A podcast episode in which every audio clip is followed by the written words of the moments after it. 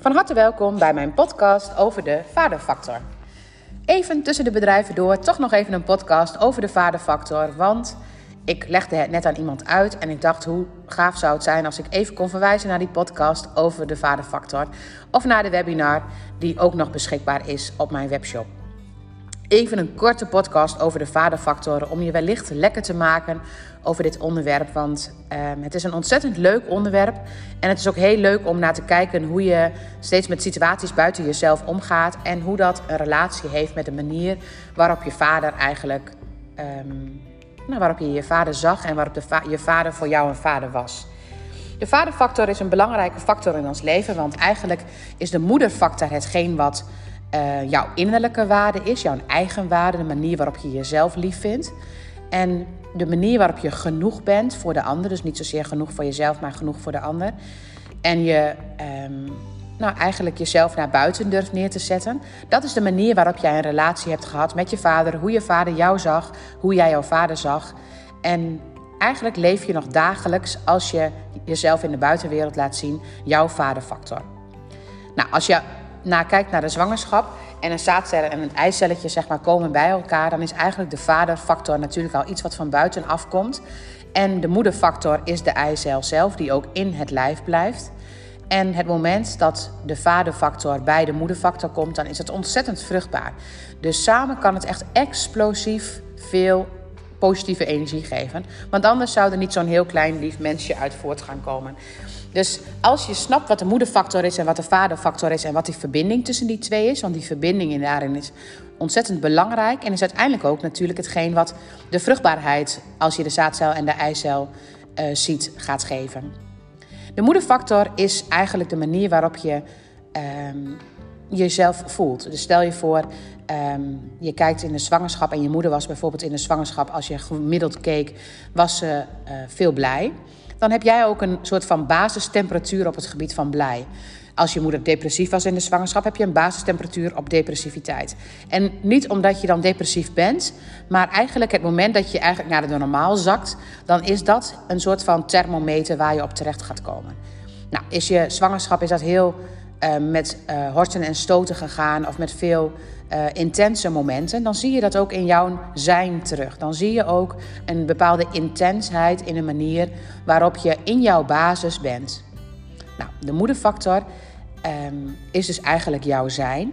En de manier waarop moeder vader ervaart in bijvoorbeeld al een zwangerschap, of de manier waarop moeder haar eigen vader heeft ervaren, dat is ook de manier waarop um, jouw eerste start met jouw vaderfactor begint.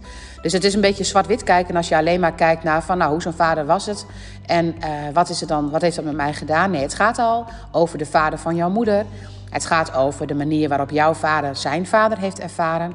En het gaat over de manier waarop jouw moeder uh, jouw vader heeft ervaren in de zwangerschap.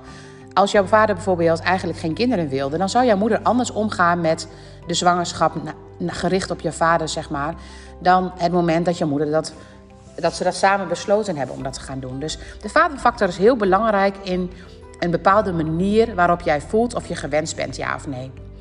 Als je kijkt naar die vaderfactor, dan um, uh, merk ik heel vaak dat school, werk, je carrière, de manier waarop je je laat zien, dat is eigenlijk allemaal gerelateerd aan een stukje vaderfactor.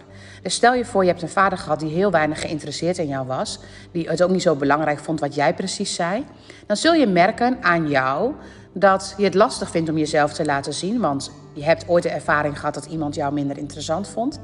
En Um, bij het werk zul je ook het gevoel hebben dat je kleiner bent dan het werk en dat je eigenlijk een soort van aanpassingsstrategie zou moeten doen. Stel je voor, je vader was bijvoorbeeld wel eens heel boos of die was niet altijd voorspelbaar in zijn doen en laten. Dan zul je merken dat je de manier waarop je naar de buitenwereld treedt, dat je op je hoede bent. Dat, jij dus, dat het niet helemaal voorspelbaar was voor jou. En dat het dus nog steeds niet helemaal voorspelbaar is en dat je dus extra op je hoede naar buiten treedt. Je gaat dan ook extra op je hoede naar school, je gaat extra op je hoede naar je werk.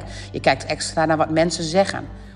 Als je vader bijvoorbeeld um, jou zag als de mooiste die hij had, bij wijze van spreken, dan, en um, hij bewonderde jou heel, heel erg, dan is dat heel fijn.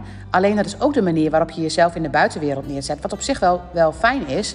Alleen het is wel belangrijk om eens te kijken of dat dan helemaal een juiste vaderfactor was of niet. Want daar had ik een voorbeeld van. En ehm, eh, dat, dat kan ook heel erg belemmerend zijn. Want dan heb je het gevoel dat je eigenlijk in de buitenwereld dat naar je toe zou moeten komen. Want eigenlijk kwam het toen ook al naar je toe. Dus het is heel leuk om eens op te schrijven van hoe ervaar jij jouw houding in de buitenwereld? Ben je bijvoorbeeld bij je werk altijd ontzettend streverig? Dan ben ik benieuwd hoe jouw vader naar jou keek. En was het voor jouw vader ooit genoeg wat je deed? En was jouw vader een carrière-tijger, dan heb jij zelf ook de neiging dat dat de normaal is en dat jij zelf ook een carrière-tijger moet zijn. En vond je vader het allemaal wel oké en ehm, kon hij het allemaal heel goed loslaten bijvoorbeeld, dan zul jij het ook makkelijker oké vinden en alles kunnen loslaten. En eigenlijk het moment dat je het zo gaat bekijken, dan zijn er dus verschillende soorten vaders. En in mijn webinar die ik heb gegeven, die je op de website van um, of mijn webshop nog kunt vinden. Dat is op www.willemijntrip.nl. En dan onder online bestellen vind je mijn webshop. En in de webshop is dat een webinar die ik heb gegeven. En in die webinar leg ik uit welke soort vaders er zijn en wat voor impact dat op je kan hebben. En het moment dat je met die ogen kijkt, eigenlijk is dat wat we in onszelf hebben als energie. Dat is onze basis. En dat wat we buiten ons hebben, dat, is de, dat zijn de.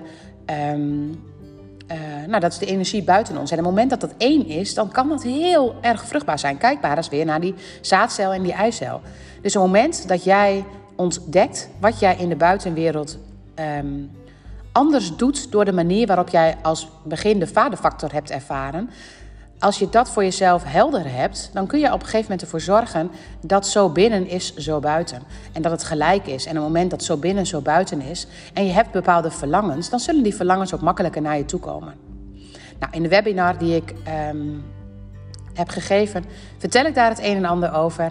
En nou ja, mocht je die willen bestellen, zou ik het zeker adviseren om daar meer kennis over te krijgen. Maar onderschat dus eigenlijk de rol van de vader niet. En onderschat ook niet als je tegen een problematiek aanloopt ten aanzien van school of werk. Of je ziet dat bij je kind. Probeer dan niet te denken van, oh, dat ligt dus aan de vader. Nee, dat ligt ook soms aan de vader van jezelf. En de manier waarop jij ook naar de buitenwereld treedt. En het is dus een heel breed aspect. Maar op het moment dat je hem ontdekt hebt, dan komt daar heel veel informatie onder vandaan. Dankjewel voor het luisteren naar deze podcast. En tot de volgende podcast.